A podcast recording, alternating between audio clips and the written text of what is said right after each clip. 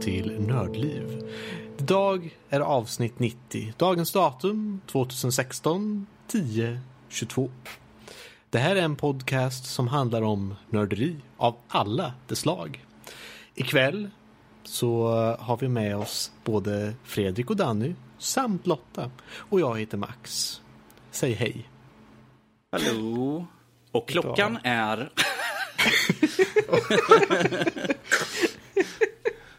det låter som det liksom. Klockan är nu Ja. 21.42 när signalen kommer. Pip. Jösses. Vi, vi, kör faktiskt- introt på Half-Life. Det, Den där vagnen man åker igenom. Eh, idag så, så har vi en, ett utmärkt eh, gäng segment som vi ska gå igenom. Bland annat klassikern Spel i fokus. I Spel i fokus... Hålla vad vi ska hålla på sådär. Eller jo, okej jag ska försöka, förlåt. Så, Vi är faktiskt Okej, professionella okej. här, Fredrik. Tillbaka igen. Ah, Då har du ju börjat. I Spel i fokus ikväll, Vampire the Masquerade och eh, Through the Woods-demot kommer vi få höra lite om. Under... Jag måste ta i verkligen och inte skratta här. Under... Okej, okej. Under händer med nyheterna senare. Vi kommer att ha strejk för röstskådespelare i staterna. Kommer vi få höra på nyheterna. Och eh, sen kommer eh, vi höra lite om Örebros största seriefestival. Eh, Största? samt- Första. Man kan lätt ta fel på en bokstav ibland. Ja, när man läser från prompten som vi har på vår professionella studio här. precis. Och eh, självklart så måste vi ju nämna den nya Blaze Blue som kommer ut i november, men mer om det senare. Eh, sen kommer veckans diskussion. Vi kommer tala lite om Nintendo Switch, den nya konsolen nyss annonserad. Eh, sedan kommer vi till eh, övriga nördämnen. Och i övriga nördämnen idag så kommer vi tala om Ronin Kenshin, live action-trilogin som var något nytt. Eller nytt ska jag inte säga, 2014, men ändå. Jag känner inte till den. Vissa så nytt är för lite eh, vissa sega, här i okej. podcasten. Sedan kommer vi att avsluta med ett par lyssnarmail. Och det är dagens schema. Vilken, vilken eminent, jag måste säga, det var helt superbt inlett där måste jag säga. Det, det, Det var du- nog, det var nog det mjukaste introt på länge. Det var, det var ju synd bara att han bröt upp mitt i alltihopa sådär och... Ja, jag vet inte, folk bara, men vad är det vi lyssnar på? Så här brukar de inte låta. Det här vet jag inte vad det är. Vi måste lyssna mer.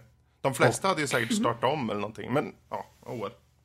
Med de orden från herr Olsson så går vi in i Spel i fokus. Och i Spel i fokus idag så tänkte jag att vi skulle tala lite om Vampire the Masquerade till att börja med. Vad säger ni? Det låter underbart. Lotta vill prata mycket om det här, hör jag. Lotta är i extas. får komma in i andra hand är jag rädd för. För att hon fungerar bättre som ett eh, konterargument eller motpunkt i detta fall. Då eh, alla som känner till Vampire the Masquerade eh, hyllar ju oftast det här spelet som ett av de bättre, dock buggiga RPG från dess tid. Jag tror, om inte jag missminner mig helt fel nu, eh, 2004 tror jag att det släpptes.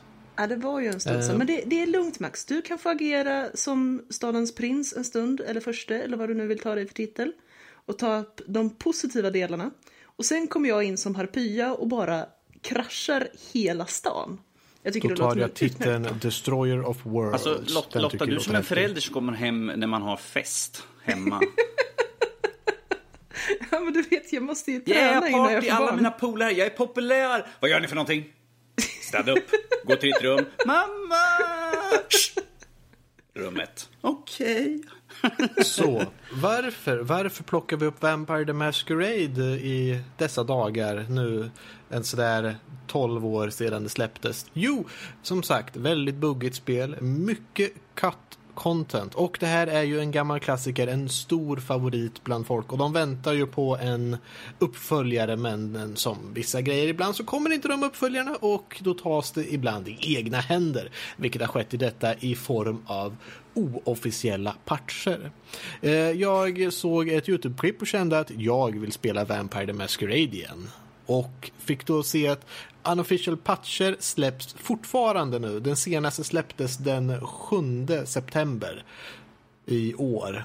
det tycker jag är lite imponerande. Så att, Ja. Jäkligt coolt faktiskt. Ja, om man går igenom lite av patchnotesen och ser att okej, de har flyttat på den nissen, de har flyttat på limousinen till dit bort. Och så tänker jag, det finns ingen limousin i det här spelet. Jo men alltså det här säger ju väldigt mycket om vad allmänheten tyckte om spelet. Och fortfarande uppenbarligen tycker om spelet. Att det så lång tid efter fortfarande hålls vid liv. Jag tycker det är fantastiskt. Det är imponerande. Och eh, eh, ja, vi, vi får väl se lite vad patcherna har gjort sen, men jag tycker att det ska bli ytterst Jag är bara intressant nyfiken här, för du, du tar det andra spelet som du sa, eller jag vet inte om du har sagt den, men eh, det är ju för att du såg på YouTube där, eh, någon som Ja. spelar och en Let's Play. Men vad är det som liksom, när du tittar på den där Let's Playen, vad var det som du tänkte, ja men det där ska jag nog ta upp. Vad var det liksom i spelet som gjorde att det, att det drog till dig? Spelet i sig själv är ju väldigt vad jag kallar immersive. Och det är säkert fler som kallar det det och det är väl mest det det är hyllat för. Eh, och jag kände att ja, men det var säkert så här en tio år sedan jag faktiskt körde igenom det här spelet och kände att det har gått tillräckligt lång tid att jag kommer inte ihåg alla dialoger automatiskt. Och även så har det kommit väldigt mycket nya dialoger och det är det spelet är intressant för tycker jag. Dialogvalen och eh, lite mörkare sidan av eh, världen där. Och Gå runt som en cool vampyr och gå på gothklubbor och dricka blod som eh, riktiga värstingar gör. Självfallet. Som riktiga värstingar. Varje torsdag kväll. Ja. Varje torsdag? Okej. Eh, men är det bara vampyrer där? Eller eh, var det typ så här att man slogs mot varulvar och sånt i det också? Eller var det Ja, bara... det finns ju varulvar med, eller liknande i alla fall. Det finns ju vissa mytologiska varelser. Jag vet inte exakt. eh, Jag är inte så jätteuppläst på loren, vilket är väl varför jag tycker spelet är så bra. Och har en väldigt eh, intressant lore och har verkligen ett starkt universum som det tar från. I mycket av eh, backstoryn och, och så då i karaktärerna och deras motivation. Så att, eh, jag vet att eh, Lotta har någonting att säga om det. Mm. Alltså, okej. Så här är grejen. Vampire the Masquerade är från början ett rollspel. Eh, pen and paper rollspel som sedermera också har utvecklats med live-regler så att man ska kunna ha live action role-playing med eh, den här världen. Eh, det är gjort av White Wolf eh, och det utspelar sig i deras World of Darkness. Det betyder att det är en del av eh, en serie med spel. Det är Vampire, det är Werewolf, det är Changeling, det är Mage och så vidare. Och alla de här spelen är tänkta att man ska kunna spela dem tillsammans. Och det är därför det kan dyka upp bland annat varulvar i den här vampyrvärlden. Ehm, och sen, alltså det här är, eh, eller jag skulle vilja påstå att det är ett av de mest populära nutida rollspelen, i alla fall här i Sverige. Eh, men det, det finns ju självfallet utomlands också. Eh, och som Max säger, det har en fantastiskt rik berättelse och enormt, alltså det arbetet som är nedlagt på grundberättelsen, på reglerna och på, om vi då fokuserar på Vampire och The Masquerade, det finns fler versioner eh, senare, men The Masquerade som nu är fokus för Bloodlines. Eh, så varje klans eh, story, varje klans, klans beskrivning, förmågor och så vidare är fruktansvärt välgjort. Och alltså böckerna som finns till det här rollspelet. Jag, jag tycker väldigt mycket om att läsa och jag tycker väldigt mycket om böcker. Men antalet hyllmeter för att verkligen ha läst allt som har ut- utgivits är bara för omfattande för att du ska kunna hålla allt i huvudet. Det går inte. Så att fruktansvärt bra lore. Och jag tror att det här är den främsta anledningen till varför det har blivit så framgångsrikt. Eller förutom det här att, you know, halv-emo-tonåringar får låtsas att de är vampyrer och, och creatures of the night och går runt och vara sexiga och coola. Ehm, men ja, fruktansvärt bra rollspel. Som sen dessvärre också blev dataspel. Och det, det är det här... Kom igen Lotta, du kan låta lite mer negativ. Jag, jag hör inte riktigt att du känner att åh vad dåligt det var. Nej, precis. Och grejen, när Bloodlines kom ut eh, så höll jag på att lajva väldigt mycket Vampire the Masquerade. Um, och var väldigt insatt och ville verkligen tycka jättebra om det här spelet. Problemet är att det har bara inte gjort berättelsen rättvisa. Det som jag finner är absolut mest fantastiskt med hela systemet, med hela eh, världen, har de bara misshandlat. Så att, nej, jag försökte spela den när det kom ut. Och jag, som jag sa förut grabbar, jag, jag kunde ha överseende med det här att eh, spelet kraschade. Jag kunde ha överseende med att det buggade. Jag kunde ha överseende med att på vissa platser så blev min karaktär till någon form av lelös eh, marionettdocka och spassade ut i något fantastiskt epilepsianfall. Eh, och att på andra ställen, om jag hade gjort fel saker i fel ordning, så bara kraschade hela spelet och det gick inte att komma vidare. Jag kunde ha överseende med det här. Och alla de miljarder buggarna som fanns. Jag kunde inte ha överseende med hur i hela Fridestad de hade behandlat de joggans klandisciplinerna. Det bara, bara nej. Nej. Icke. Du får, nog, du får nog utveckla lite mer hur du menar hur de har behandlat dem. ja, men ta, ta till exempel, eh, oj, nu var det som sagt tio år sedan. Men ta Dominate. Eh, det är en klandisciplin som finns i ett par av klanerna. Och i rollspelet, i livet, eh, så betyder Dominate att du kan helt enkelt beordra folk att göra saker. Eh, och om du har tillräckligt hög Dominate så kan du till och med beordra folk att glömma bort vissa saker och ändra folks minnen. Fruktansvärt användbart i det här manipulativa, sociala rollspelet som främst inte går ut på att slåss. I och än så länge så låter det jättelikt spelet. Än så länge så har jag inte hört någonting om hur jag spelade spelet ändras egentligen. Vet du hur Dominate fungerar i spelet? Ja. Du inkappar folk. Det enda du kan ja, göra är att få dem Ja, de kan bli glada och börja dansa och... Ja, det... det åh, det... det kommer med Dementation. En annan förmåga de har helt, fullständigt misshandlat.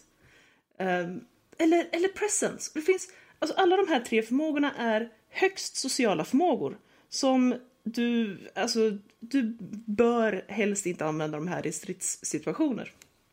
Utan det är sociala förmågor som bör ingå i eh, ett socialt rollspel.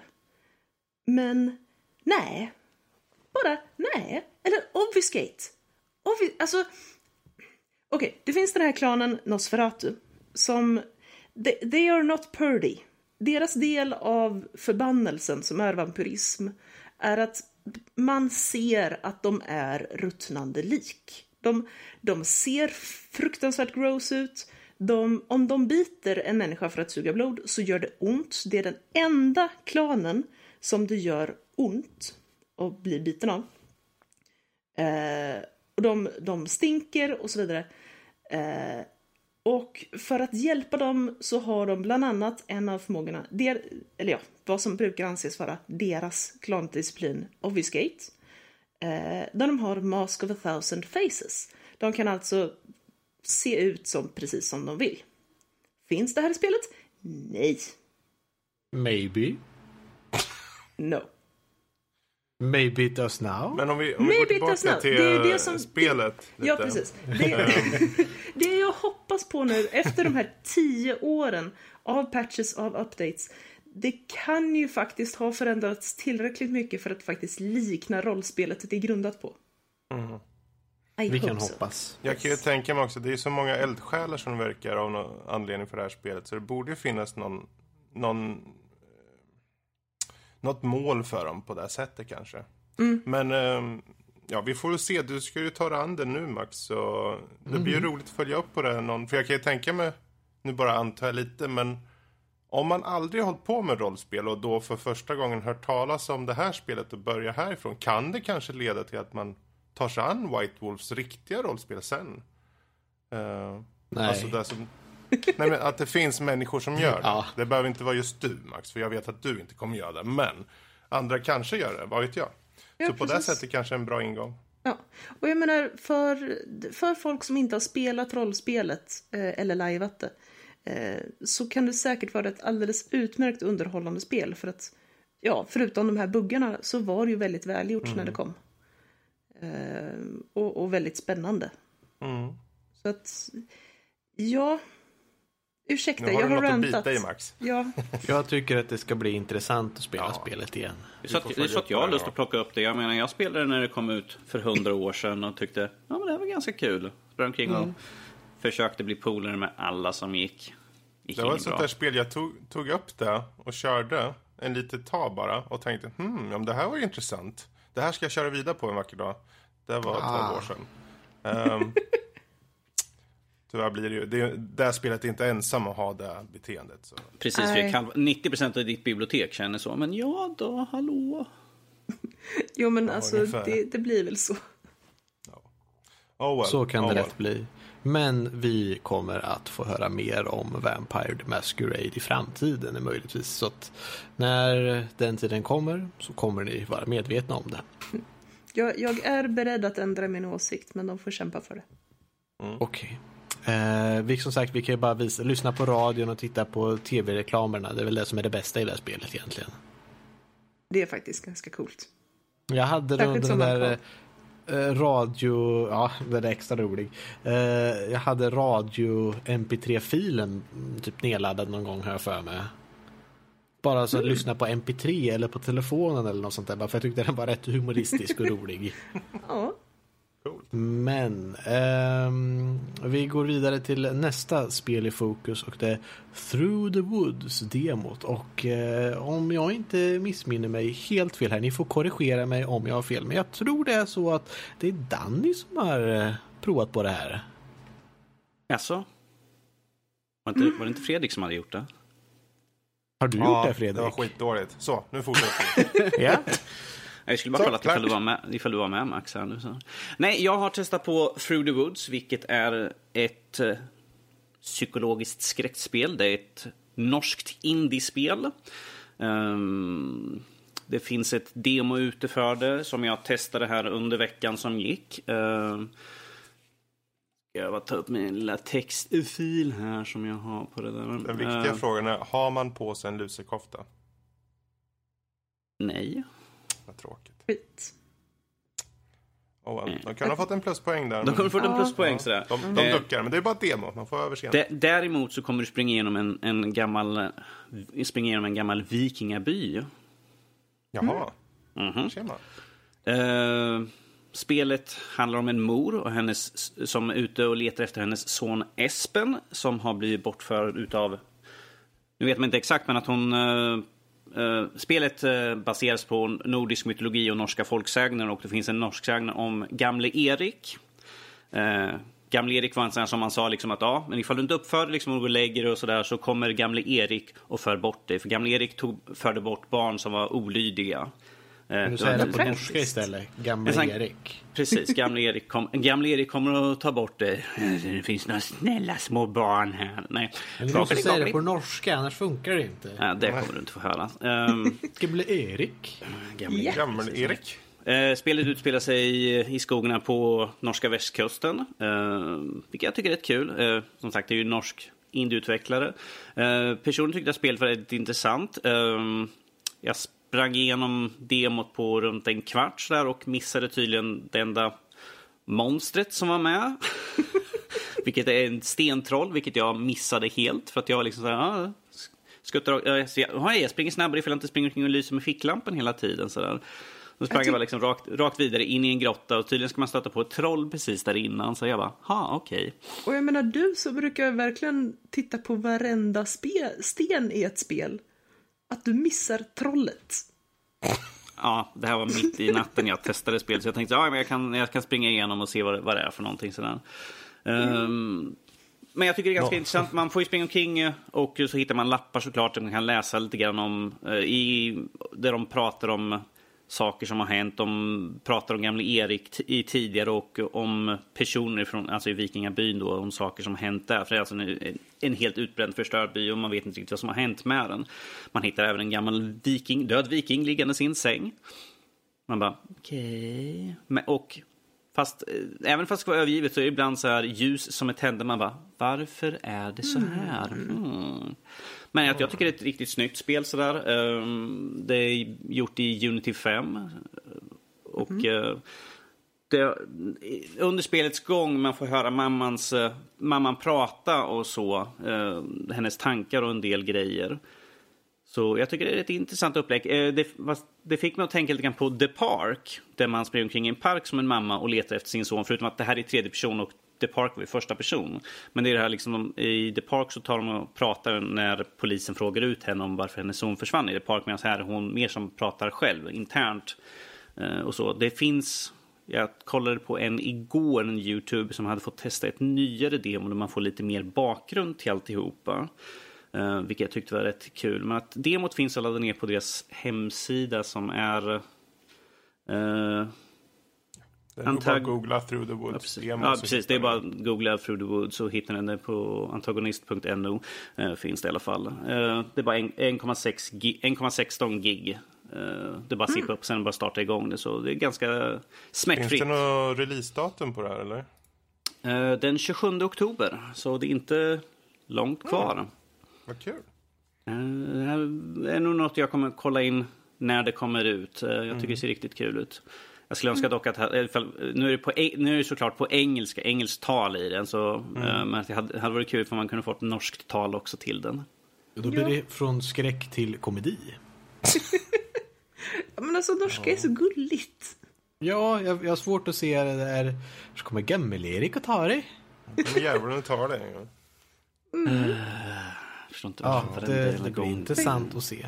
Ja, Tänk dig jag tycker ett det. norskt troll. Som pratar Då med den här, på de här raspiga, små mörka trollen. trollrösten. Fast på norska. De, de kan sina troll. Se Trolljägaren. Jättebra Ja, det är film sant. faktiskt. Det är faktiskt en redigt bra film. Skitbra film. Stor rekommendation. Ja, verkligen. Mm. Och med de trollen i skogen och eh, googling through the woods så kommer vi till nyhetssegmentet. Och jag lämnar över ordet till Fredrik. Varsågod.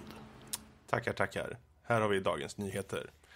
Och först så kommer nyheten om att vi har fått, eh, eller kommer få ett nytt Blaze Blue. Som kommer heta Blaze Blue Central Fiction. Och eh, med de orden sagda så låter vi ordet gå över till Max som förklarar vad det är och varför vi ska köpa det. Ja, här jag står här ute vid affären och ska släppa det nya Blaze Blue snart och det är kaos här ute. Ni ska se hur många som har laddat upp Folk har börjat lagt ut tälten redan och det, alltså, det släpps inte förrän 4 november och det är redan nu kö här. Jag ska se om vi kan få tag och tala med en person här. Nej, det ska vi inte. Jag tror du skulle lämna över till Lotta som att hon står i trafiken eller någonting. Jag var ju beredd här på att stå och slå Ja. mitt tält. Oj, oj, oj. Nej, Ja. det, som sagt, det nya spelet i Blaze Blue och eh, i Blaze Blue-serien då och det här ska vara det sista i serien enligt utvecklarna. Eh, Möjligtvis att vi kan få DLC-karaktärer men storyn tar slut här som med Ragnar och hans gäng. Okej, så det, men det, det är liksom det sista i serien Vänta, vänta, vänta. för Är det här den- också, är det här också hans ett norskt ark, spel eller? För hans ark ju- eller? Nej, alltså det, det är ju inte hans eh, Eller ark vadå? egentligen. Han är ju en del av universumet. Nu har de ju... eh, Storyn är väldigt komplicerad Mm. som i både Guilty Gear och Blaze Blue. Jag vet inte hur de lyckas men det är väldigt mycket parallella universum. Det är väldigt mycket tidsresande. Till exempel de har i nyaste spelet så kommer vi upp och får se den nya karaktären Susano. Vilket är den tre, det finns tre olika versioner av en karaktär. Det finns han som heter Hassama. Som är en av mina favoritkaraktärer som har grönt hår och eh, är lite, lite av en bad guy där. Man tror att han är main bad guy. Men det visar sig att det alltid finns någon som står högre upp. Och sen finns det då hans sanna jag om man säger. Som är en uh, schizofren alternate personality av Hassama som heter Yuki Terumi som är hans sanna personlighet då. Han delar kropp med Hassama så att de är samma person. Och så finns det den här då när han var i sin sanna sanna kropp som Yuki Terumi då har i, i den här Susano-enheten då som är en rustning om man säger. Eh, som det- den det som hade tappat ner i en boundary som hade då gjort att en annan person, Jin Kisaragi, hade då ramlat också ner i den här och var tvungen att ha den rustningen för att överleva och sen har han kommit tillbaka i tiden och nu också där. Så han finns det två versioner av då. Och den här Yuki Terimi då finns det tre versioner av nu.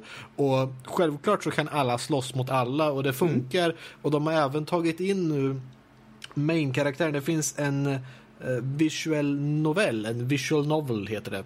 Eh, där main-karaktären Nauto, som han heter, jag tror att det är han som är, jag har inte sett den själv nämligen, och ett par andra karaktärer, en till vet jag i alla fall, är med nu i det här spelet. De har kommit hit på något sätt. En manga eller någon eh, liknande main-karaktären har också kommit eh, komma in i spelet nu och lite så. Man får spela som last boss och alla möjliga gott. Så att de har tryckt mhm. in otrolig mängd karaktärer här och alla karaktärer har fått nya moves så att det är liksom nytt, nytt att spela med alla nya karaktärer och mm. gamla karaktärer känns som nya. Så det ska bli jätteintressant. Och eh, det har ju redan kommit ut i Japan. Jättemånga har importerat och orden är jätteintressanta. Det här skulle vara en kort nyhet men nu har jag dragit ut på den ganska långt. Men ni känner mig och ja. Blaze Blue.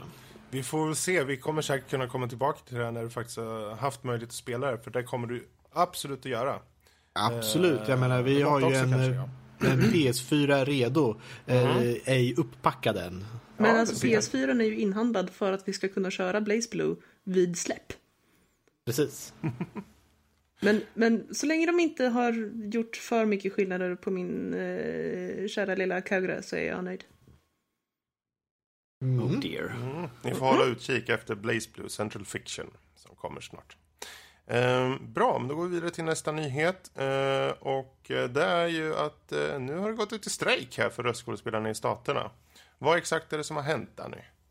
Yes, eh, för de som inte vet det så har ju SAG-AFTRA eh, och eh, spelindustrin varit i diskussion i över två års tid över kontrakten för röstskådespelarna. Kontraktet tror jag skapades först vid 96 tror jag det var och de hade fram till 2014 vilket är nu varför i två års tid har de haft en lång, lång lång diskussion om de nya kontrakten. Och mm. igår så kom det fram till att de inte kunde komma överens. Det, det var tal redan förra året om att de skulle gå ut i strejk då, men att de tänkte att vi, vi fortsätter att diskutera i ett år till, känns det som. Ja, de kom ju fram till något då. De kom de ju fram till, ja, någonting förra året, för att det var ju en kort där sväng där, men att de, de, tog nu i år igen och uh, skulle diskutera igen här nu och uh, Ja, det gick inte igenom så nu har de aktivt gått ut i strejk, vilket påverkar några stycken studios här nu. Mm. Uh, några som, det är inte alla studios? In, nej, det är inte alla, för det är... Hur var det sagt? Det var bara 25 procent som använde medlemmar, alltså utav SAG-AFTRA-medlemmar. Så att väldigt många har ju en del som är inte är medlemmar. Mm. Ja, det är en större del. Jag vet bland mm. annat några av dem jag såg var ju Electronic Arts, Activision, eh, Disney-karaktärer och liknande. Så det är stora mm. ändå vi talar om. Mm.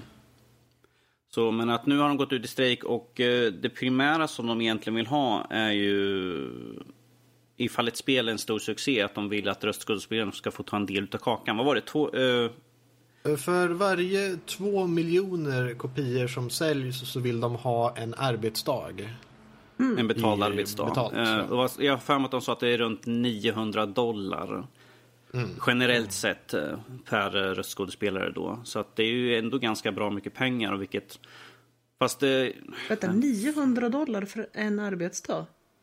Mm. Ja, är jag i fel jag, bransch? Jag, jag, du är i fel bransch. Du får tänka på att röstskådespelare idag är ju kända liksom, filmpersoner ja. även. För det här kan ju ingå så som uh, karaktärer i spelet som liksom, motion capture. Kan mm. ju till exempel vara att de kan stå i ett helt rum och ha prickar på ansiktet och kameror och de ska göra fysiska aktiviteter. Mm. Och då spela in rösten samtidigt kanske. Precis. Det var ju där mm. det var snack om i fjol då för då fick de ju igenom det att de skulle få en, en, en rättvis lön utifrån det arbete de gjorde även som motion capture. Vilket mm. fick följt ut. Och jag har för också att förra året så fick de att de skulle få ta en, eh, ha en lite bättre break också emellan för att inte slita ut mm. rösten. Ja, ja de tror... begränsade någonting till exempel så att de får bara göra eh, två dödsskrik eller något om dagen som högst eller liknande. För att det var så krävande på rösten. Mm. Ja, det är ju så. Men jag tror det här med en arbetsdag kan man ju tycka, ja men 900 dollar på en arbetsdag, fan vad de tjänar pengar. Men de, de tas ju in på, på väldigt kort tid. De ska ju försöka bearbeta, säg att de jobbar kanske högst kanske 4-5 dagar i sträck. Det är ju väldigt slitsamt, Precis. men det är ju så snabbt jobbat så de får ju kanske inte så jättemycket. De måste gå vidare till nästa jobb, sen nästa jobb och sen nästa jobb. Så det här blir som en försäkring för att de faktiskt, om det nu säljer två miljoner kopior av spelet. Två miljoner är inte, det är ju en Det är del ett par ändå. stycken. Ja, och då Mm, får de en dag liksom. Fast jag tycker det var rätt kul att, eh, nu, nu är jag inte riktigt säker, men jag tror det var Troy Baker som gick ut och sa att han såg inte riktigt varför han, som röstskådespelare som inte gör så mycket egentligen för spelet så att säga, ska få en bonus när ett spel säljer bra. När det finns hundratals designers eh, och eh, alla andra som sitter och gör spelet som jobbar 12-13 timmar om per dag i fyra år som inte får en extra krona.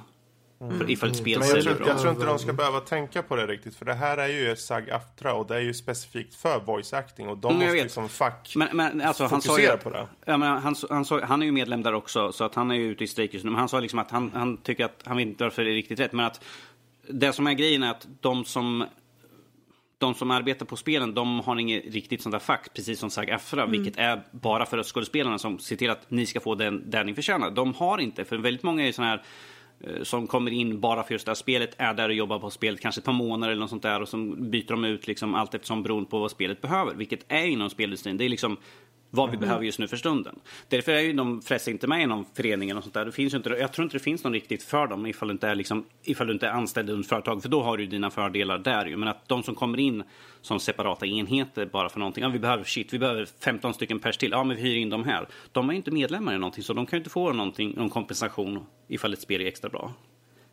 Det är det han menar, att han bara, det är synd att de som faktiskt gör spelet, de som gör det vi kan spela, inte får någonting extra för det. Man Alltså- kan, ju ändå se, man kan ju se det som att det här, i och med att de har den här eh, fackunionen då för Mm. eh, voice actors så är det ju ändå på något sätt man måste ju börja någonstans och jag tänker att Mm. då kan det ju vara så att det faktiskt på något sätt kan bildas fackföreningar för även dem på andra områden inom Mm, företaget. jo. Men i det här fallet, jag, tycker det här är jättebra egentligen. De behöver ju det här. För med alla liksom, yrken så behöver man någon form av säkerhet och framförallt en morot och, eh, och någonting för ett väl gjort arbete. Eh, och det är såklart man önskar till alla. Men det är nog ett steg i rätt riktning. Precis. Man får börja här på den här ändan så kanske sprider sig inom hela företagskulturen för spelindustrin. Ja, för att som sagt, det här kontraktet som har varit nu, det har varit sedan eh, 96. Så det är ingenting som har förändrats där. Så det är nu först liksom vi kan faktiskt få förändringar. Och det här kan ju leda till att vi får förändringar inom andra delar av spelindustrin också ju. Precis. Man kan ju hoppas, man kan ju hoppas. Jag hörde lite av eh, motpunkten också bara för det här att gå från andra sidan vad eh, varför spelindustrin inte accepterar. De försökte komma med lite motargument. Så som att de skulle kunna, jag vet inte vad handlingarna var men att de skulle kunna göra någonting åt om eh, skådespelarna kom dit eh, ej i tid eller att de inte var motiverade och faktiskt gav någonting i rollen och så vidare. Men det vill de ju absolut inte ta upp. Det är så här, nej, nej, nej, nej, sånt där, det, det kan ni inte göra någonting åt. Om, eh, och det var lite så här så att det tyckte man att de skulle kunna acceptera det men jag vet att de tvärnekade att nej, det ska inte med i avtalet. Så de försökte ju kompromissa lite på sådana punkter men fick ändå nej, det ska vara bra för våra skådespelare och inget annat. Ja, deras... Det är klart, alltså för, om man ser till Saga Aftra så är ju deras fokus på åt deras kunder eller Precis. eh, medlemmars Deras medlemmar. vägnar. Så det är förståeligt. Så de skulle ju aldrig gå med på något som försämrar de villkor som finns idag. Det vore ju både korkat och oetiskt nästan. Mm. Och de tog även upp det där spelindustrin nämnde att eh, eh, just det här med att de har så många artister andra som modellerar, som programmerar och liknande. Och de får inte det här så att de vill ju inte vara orättvisa och ge röstskådespelarna bara men eh, det är väl lite kanske dåligt argument att säga att nej men vi tänker ni ska få lika dåligt betalt som de andra Ja, istället precis. för att ge upp mer. Bara för att de andra inte har den möjligheten betyder inte att man ska liksom ta bort den såklart. Nej, så vi får se lite hur det går. Ja. Men det vore ju intressant att se, eh, alltså i alla fall lyfta frågan det här med att bör spelskapare, programmerare, designer och så vidare eh, Eh, bör de få mer av en provisions eller en royaltybaserad lön. Att man kanske får något litet då medan man faktiskt jobbar på spelet. Eh, och sen när det faktiskt börjar sälja så får man pengarna. Och hur skulle det i sådana fall påverka industrin? För att det är ju så här väldigt många små indie-studios funkar. Att du får inte pengar förrän spelet säljer. Mm. Eh, För att studion har bara inte råd med, med annat. Eh, Och hur skulle det påverka om du har ett AAA-företag eh, som jobbar på sitt spel i tre år med ett antal hundra anställda? Mm. Hur skulle det påverka både spelindustrin och produkterna som kommer ut? Ehm, ja. Ja, jag är inte Ja, Det helt... återstår att se helt enkelt. Vi Ja, hade ju för några år sedan så var det ju att eh, någon, jag kommer inte ihåg vilken exakt studio, men de skulle ju ha Ifall ni får så här bra på Metacritic så kommer ni få en bonus. Men att spe, det, ja. det spelet faller under med, jag kommer inte ihåg hur många punkter det var under och det var, man bara, de är så nära, det var typ två eller tre poäng ifrån. Man bara, okej. Och det var ju också, det var ju något skumt runt omkring det där hela. Det var ju tal om att de hade liksom sagt till att ge lite sämre betyg så behöver inte vi betala ut bonusar. Nu kommer inte jag exakt att det här är ju ett par år sedan ju, men att det var ju mycket tjafs om det där. Eh, Så det, det är ju bättre ifall man i så fall får en, en fackförening helt enkelt där man kan gå till och beklaga sig. Ifall de liksom håller på med sådana här fuffens grejer. Men att som sagt, Ja. det är upp till, det är upp till dem. De måste ju skapa någonting som Frågan alla tar är nytta också, av. om vi går vidare lite på just den här nyheten så är det ju också frågan hur kommer det påverka oss som spelare inom kort? För om stri- strejken nu har gått Precis. igång, de spel som är under utveckling just nu kommer ju eh, bli påverkade på ett eller annat sätt. Eh, ska vi se här. Eh, jag kan säga ganska snabbt att det påverkar inte spel som är påbörjade efter... Oh shit, vad var det? Februari 2014. Spel som är under utveckling, som har varit under utveckling sen dess, påverkas inte. För de är ju okej. under kontrakt då, har jag för mig. Men att ingen får ta sig an några nya kontrakt och spel som startade senare, eller långt senare efter det, kommer påverkas. Men att ifall du är under redan kontrakt med det så, måste du, så kommer du vara under jobba klart på den biten i alla fall. Eh, Men däremot nya, om det kommer nya projekt nu eller nyligen startade så, så Då kommer de ju, ifall de behov utav så kommer de plocka in sådana som inte är medlem utav Sagaftra. För det kan, det kan de göra bäst de vill. Det finns ingenting som säger att de inte får göra det. Så, men att ifall det är en stor spelserie, för att eh, Warner Bros är också en del ifall de skulle helt plötsligt komma att vi, om vi håller på faktiskt på att göra ett nytt eh, Batman-spel vid sidan av och vi behöver nu Troy Baker och allihopa för det, shit, det går inte. Um, för vi såg ju det här, vi såg det här när vi hade att eh, manusförfattarna i Hollywood när det var strejk där, att det påverkade. För då fick alla andra sitta och skriva sina egna manus och det, tog, det blev ju ett av, abrupt slut liksom på att shit, vad, vad ska vi göra Det nu för hela tv-serier som gick i det. Yes, precis. Och eh, folk, folk kommer säkert säga det är bara röstskådespel. De kan ju liksom vänta, vänta ut och liksom bara ta in vem som helst. Men att ifall det är en stor spelserie, ta, ta till exempel, nu tänker jag ta upp Batman igen. Skulle vi ha Batman som skulle vara, och de inte har fått spela in det, det skulle vara helt annat för man skulle gå in på spelet och sen bara vem är det som pratar till Batman? Vad fan är det där för jävla tjomme som är och pratar? Det, inte nej, det här är. Conroy. Nej, precis. Det här är helt fel. Det, nej, jag kan inte med. Eh, Lämna tillbaka Jag, spelet. jag är nyfiken för till exempel Activision som kanske tar in för kod och så. Och de har Mm. kanske inte några super... De har inte röstskådespelare eh, som vanligt så att säga. På det sättet att de tar in skådespelare många Mm. gånger. Som att de tar in Kevin Spacey eller de tar in han Kit Harington eller något liknande. Ja. Och då kanske de kommer undan det lite mer på det sättet. Ja, vad vet jag. Mm. Um, oh well. vi, lå- vi låter det bli sista ordet på, på strejken där. Och sen tar Vi kommer sista... säkert få, få höra av hur det går framöver. Ju, Ja. så det, det, lär ju, Ehm, det lär ju bli en eh, gående Det grej. blir en följetong framöver Yes. då får vi se. Men eh, den sista lilla nyheten som jag tänkte egentligen prompta lite för är ju en lite mer lokal nyhet. Ehm, för de som gillar comics, de som gillar att kanske träffa lite personligheter som eh, sysslar med serieteckning eller fansign och, eller förlag för den delen. Eh, här i Örebro, där vi spelar in den här podcasten, mestadels härifrån i alla fall, om man så säger, eh, finns nu möjligheten framöver att besöka en eh, seriefestival. 26-27 november kommer det finnas eh, på Kulturhuset en seriefestival. Och eh, där finns, kommer det komma en hel drös med olika eh, kreatörer. Eh, Lasse Åberg och eh, vad heter han, Darnell, han som gjorde Herman Hedning. Eh, massor med sådana här, eh, bland Häftigt. annat, ja. Ehm, Susanne Johansson och Sara Olausson. Massor med mer kända. Kim V Andersson som bland annat gjort eh, kom, eh, en väldigt, en, en, han är en kickstarter för en som heter Astrid av alla namn. Men det, det är i alla fall en, en så här rymd science fiction eh, grafisk novell.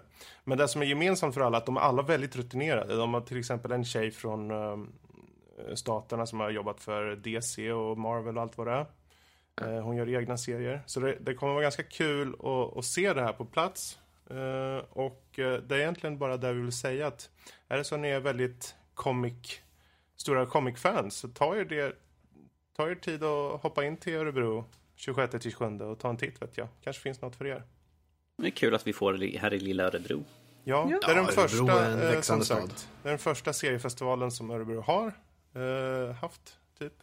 Och vi får Mm. se om det blir en återkommande, det vore jättekul. Ja. Eh, Precis. bra, men Kan där har vi i hända alla att fall... eh, någon av oss kanske besöker den om en månad. Ja, det är nog mycket möjligt. Så kanske vi bubblar lite mer om den efteråt. Mm. Det vore intressant faktiskt, följa upp. Så, men där har du Max nyheterna för den här veckan. Tack Fredrik för de nyheterna och nu över till veckans diskussion. Nu ska jag säga vädret. Det regnar. veckans väder. Nej, idag hörni. Nu, nu är det så att nyligen i veckan så fick vi höra lite om Nintendo NX. Också kallad Switch som det officiella namnet nu är ute. Nintendo Switch här. Och eh, vi tänkte vi tar lite en diskussion här om vad vi ser fram emot och vad vi kan hoppas på. Lite spe- spekulationer här för att Nintendo har ju nämligen sagt att det kommer inte komma ut någon mer information förrän nästa år. Så att de har släppt det här och lämnar upp till spekulationer. Så nu är det du, sup, du, tyst igen och sen får vi höra nästa år. Och den ska komma ut i mars nästa år. Så de har en väldigt kort stund där att eh, eh, ta ner spe alla spekulationer. Jag vet ju att det finns mycket att tala om. Men vi börjar från början här. Eh, Känner ni alla till här på podcasten här idag nu för tillfället eh, om den nya Nintendo Switch och vad, hur den ser ut och så? Ja. Yes. Vad bra, då behöver vi inte gå in här. Men vi kan förklara ändå till kanske någon som inte har Absolut. sett det. Ehm, Jag kan ju ta och berätta lite. Gör så. Tänk er en platta. Och sen har den två löstagbara Wiimotes på varsin sida om den. Det är Switch. Så säger det Switch och så klick. Och så kan man docka den här plattan i en liten Ja, mojäng. precis. Du har alltså en, eh, det ska vara en helt mobil spelkonsol. Du, ska kunna, du sätter i den i en basstation eh, och den ska då automatiskt koppla upp sig till tv och du kan då eh, ta en handkontroll och bara spela. Sen kan du bara ta den där plattan och lyfta ur den ur eh, basstationen och spelet bara switchar över till skärmen som du har där då. Och man kan ju säga att nu blir det lite klurigt att beskriva den i, jag vet inte, ni vet hur Wii U ser ut? Mm. Ungefär så ser hela spelkonsolen ut tydligen.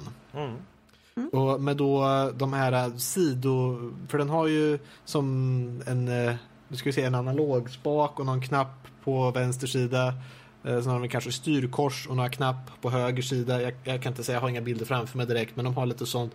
Och de båda sidorna går att ta av och du kan ställa upp den där lite på långt avstånd och spela med dem. Eh, För de måste ju vara trådlöst styrda på något sätt. Och, eh, lite så. Du, du kan även spela multiplayer med varsin liten sån där och hålla dem som, ni vet man gjorde med Wiimotesen när man tippade över dem åt sidan och höll dem som en liten kontroll. Jättefånigt, jätteobekvämt tycker jag det ser ut som. Men som sagt det finns en riktig kontroll till det också. Ehm, det är även ett cartridge-baserat system, ser ut som små SD-kort man för in i den. Så hela spelkonsolen tycker jag ser väldigt liten ut också. Vi har också hört att tydligen så ska eh, basstationen inte ge någon extra eh, kraft, ingen extra grafik eller processeringskraft till enheten så att allting finns i den här plattan. Och eh, om jag börjar lite lätt här då med vad vi spekulerar på så är batteritid och prestanda. Det är de två där som man får kontra mellan. För själva det mobila konceptet tror jag att de kan lösa riktigt snyggt. Att du verkligen bara dockar in den, börjar spela på stor skärm, du bara plockar upp den, går ut med hunden, fortsätter spela. Du kan eh, ta med den på eh, utomlands eller om du åker buss eller vad som helst och spela. Det tror jag fungerar riktigt bra. Den ser ut att vara ganska liten, större än en DS, men inte som en riktig tablet, stor. Men det, det är svårt, vi har inte några specifika mått. Nej. Och den Nej, drivs jag- ju jag- av ett uh, Tegra-chip då från Nvidia. Mm. Så det är ju det som finns i de här GeForce-kretsarna. Har jag fattat som. Mm. Ehm, Jag hörde ett rykte i, i, natt var det om, det här är alltså en, en uh, tjej på Twitter, hon brukar hon har haft rätt på de flesta spekulationer hon har haft och eh, hon gick ut och sa att det hon har hört i alla fall att batteritiden är på tre timmar på när man har en urdockningsstationen. Och att eh, den ska ha touchscreen, vilket de inte har officiellt gått ut och sagt. Eh, det, är en, det har de sagt. Och att tydligen ska basstationen ha någon typ av liten boost för att den ska kunna köra upp på skärmen i alla fall. Vilket vore konstigt ifall Okej. den inte hade. Det här är alltså som sagt spekulationer, men hon har haft hon har typ 90% av de grejer hon lägger upp har visat sig vara sanna. Så att eh, jag ser att eh, jag litar väldigt mycket på hon, vad hon säger. Så att, men att som sagt, det är än så länge bara spekulationer. Men med hennes track record så ser det väldigt lovande ut. Men att jag tycker då att tre timmar eh, är ju väldigt lite. För ifall, ifall man sett trailern så är det liksom, jag ska ut och flyga, ja men jag är ute med hunden. Man bara, ifall du är ute och flyger, ifall det är en lång flygtur så måste du ha den ikopplad och ladda hela tiden. F- Får man med ändå en laddningssladd eller något sånt där laddningskabel för att vanligtvis när man laddar den så är, sitter den i dockningsstationen. Eh, Det är där den är till för, för att ladda den helt enkelt. Eh, Så då är frågan ifall man får något sånt, ifall man är ute på springande fot och kanske sitter på ett, tåg eller ett flyg eller något sånt där. Eh, Precis. väldigt, väldigt många som jag har eh, jag, jag tittar på en hel drös med olika som pratar om nyheter och spekulationer och allt sånt där. Och de, väldigt många är lite skeptiska till de här eh, eh, kontrollerna som man kan ta av och på, liksom att de är så väldigt små och ifall någonting man har lärt sig om små saker, att de försvinner väldigt lätt.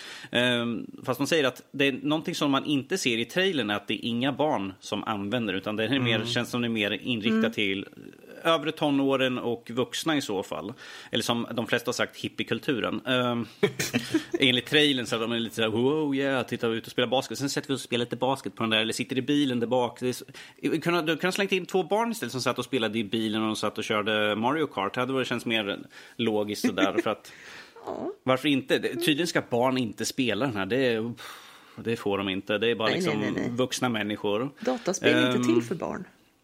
De är inte eh, mogna sen- nog att förstå det. Ja, så måste jag säga att den här handkontrollen när man har de här... eh, jag kommer inte ihåg vad de hette. Kontrollen, Joy-Cons, eh, så heter de. Mm. här. Att det, det ser väldigt obekväm kontroll ut när man har den där påsatt på den där extra kontrollgrejen där. Att det ser hemskt... Den, den ser inte bra ut om vi säger så. Ja, men även Eh, när man har de här hundöronen utfällda. För det, där tycker jag inte det ser så farligt ut. Men han be, man behöver kunna fälla ut de här extra hundöronen. Som är när man sätter i dem i liksom handkontrollsgrejen. Ja. Vad talar vi om hundöron nu? Nu är jag vilse. Jo, ja, men så här. Du kan ju dels sätta i den i de här två små plupparna som du håller i. Ja, som har- handkontrollerna. Ja, precis. Ja. Dels så kan du ju sätta dem på den här plattan och liksom Ja. springa runt eh, som en, en eh, surfplatta med kontroller Mm. på sidorna. Ja, ja, men det är ju som att liksom ha spelat en... eh, Inte DS, men som att, efter du har Ja. spelat PSP så har jag inte haft något problem med det. Precis. Mm. Eller så har du en annan grej som är lite mindre än den här eh, surfplatteliknande grejen. Eh, som du sätter på handkontrollerna på. Och så kan du också fälla ut några eh, liksom små vingar. Och när du har de här utfällda så ser det väldigt mycket ut som ett hundhuvud med hängande öron. Okej. Det är bara på med en liten näsa, så- en liten nos sådär, och sen Ja, en tunga precis. som Och så hänger de ut. här, de här båda analoga spakarna. Det finns en analog spak på varje eh, handkontroll. De, Mm. de sitter ju tyvärr också eh, inte symmetriskt utan de sitter snett så att det ser ut som en lite små dörphund. Eh, men, Men, det, det är ju, Lotta, det är ju för att när du plockar av dem håller de liksom, man ska ha, om man spelar med två stycken så är det för att de ska vara likadana. Så att Jag- det liksom, jag ja, men jag faktiskt- kan inte styra med vänster. Nej, precis. Jag är faktiskt Nej, vad ganska gör- glad att de skapar dem med tanke på hur man använder dem som handkontroller och inte hur de skulle se ut som en vettig hund när man sätter dem i. Jag är faktiskt nöjd över det här. Man kan ju plugga ur dem, som den här snubben i videon som sitter på flygplan. Han håller ju en i vardera handen istället. Ja, precis. Då kan ju också köra. Och just, Ja, tänkte, mm, just den här flygplanssekvensen gjorde mig lite glad för att eh, idag så känner jag tyvärr inte att det är eh, helt hugget i sten om det är så att du tvingas vara uppkopplad mot nätet ständigt och jämt med din spelkonsol. Eh, men och, okej, visst, idag på väldigt många flyg eh, så finns det ju wifi som du kan koppla upp det mot så du behöver inte sitta med flygplansläge på dina enheter hela resan. Men du flyger ju, du måste ju ha flygplansläge. Nej, inte idag, inte längre. Men i och med att de flesta inte känner till det här utan man fortfarande har det inbankat i ryggraden. Att nej men jag sitter på ett flyg, jag har inget internet, jag kan inte koppla upp mig mot nätet. Eh, I och med att de visar att ja, men du kan spela det här på flygplanet så känner jag att det kan ju vara en indikation för att du kan faktiskt spela offline. Och det, det gjorde mig lite glad. Ja, precis. Det, det enda jag känner just nu att jag skulle vilja ha eh, är lite mer spex. Eh, Ja, Sure, vi gärna. får ju se spelen som visas upp och ett av dem är ju väldigt många pratar var ju Elder Scrolls 5, ju, Skyrim, eh, som visades upp Mhm. i trailern ju. Och eh, vad är, hur- nu kommer inte jag ihåg, vad är det, fem år gammalt eller något sånt där? Ja, fem år gammal. Men Även om att det där ju, sägs vara den här remastern. precis remaster, då är ju frågan hur stark är den egentligen? För innan när ryktena gick så var det att den skulle vara jämnbördig med en Playstation 4 och allt sånt där. Och jag kommer inte ihåg hur många teraflop de sa att, den skulle, att det skulle vara. Och folk bara "Åh, wow, så många, oh, wow. Och jag bara så här, okej. Ge, ge, mig lite, ge mig lite stats, ge mig lite sånt där. Det är ju någonting de absolut inte har kommit ut med.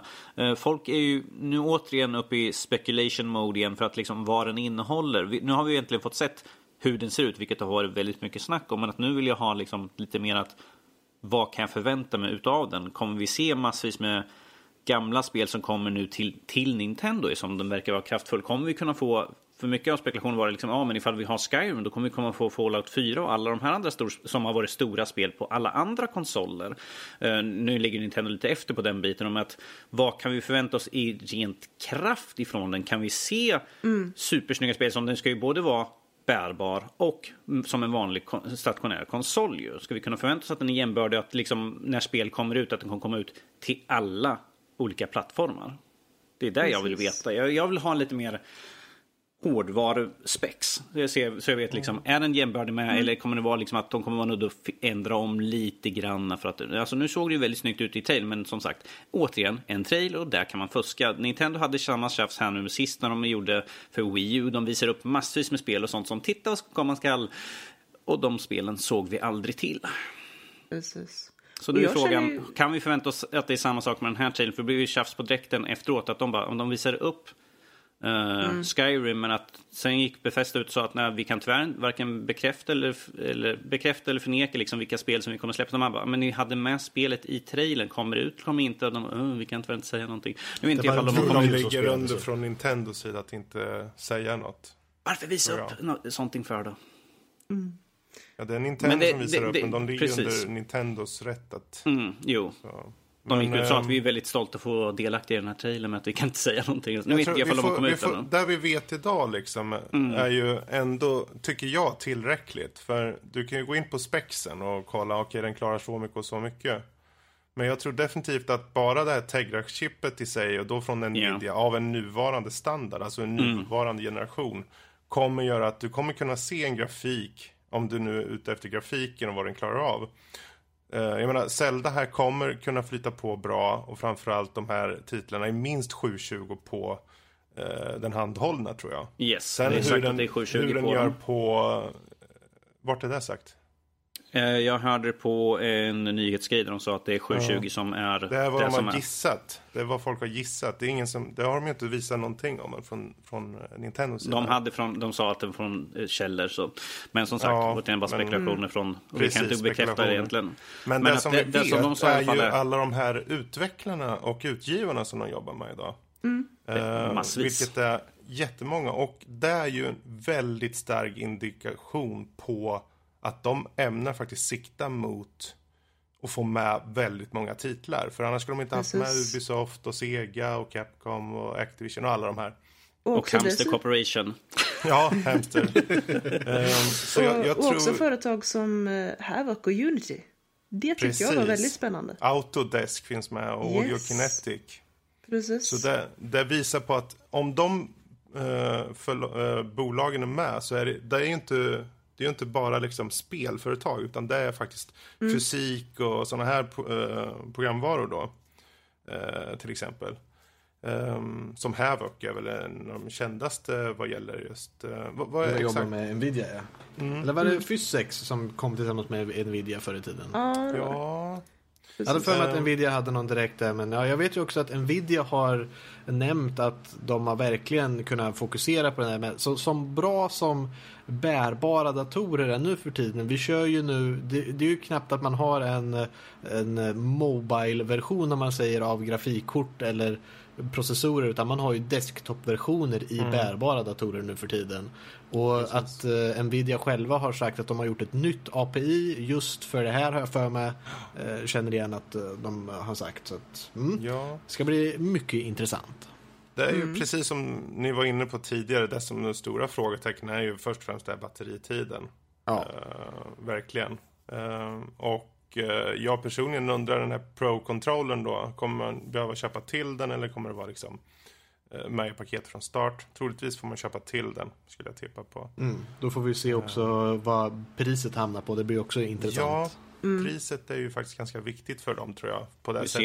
ser, Ja. eh, där de sa, eh, nu ska vi se, eh, där de sa vore det perfekta priset för att de skulle faktiskt matchas runt med andra är runt 300 dollar. Det får inte vara mer än så för att de sa att det är ju det som med de tidigare konsolerna att har det gått över, jag tror det är 300 dollar, då var det liksom, börjar folk bli så här, ah det börjar bränna lite grann. Det, mm, nej jag vet Ja. inte riktigt men att ifall de, och nu hade de gången att då sa de liksom, ah, men det kommer inte kosta över så. Sen gick de över det och det fick ju lite backlash med att folk köpte i alla fall. Och de har ju sagt att sweet spoten för den här just nu är, enligt spekulationer då, är runt 300 dollar. För det, skulle liksom, det ligger rätt i tiden att ha det Precis. priset.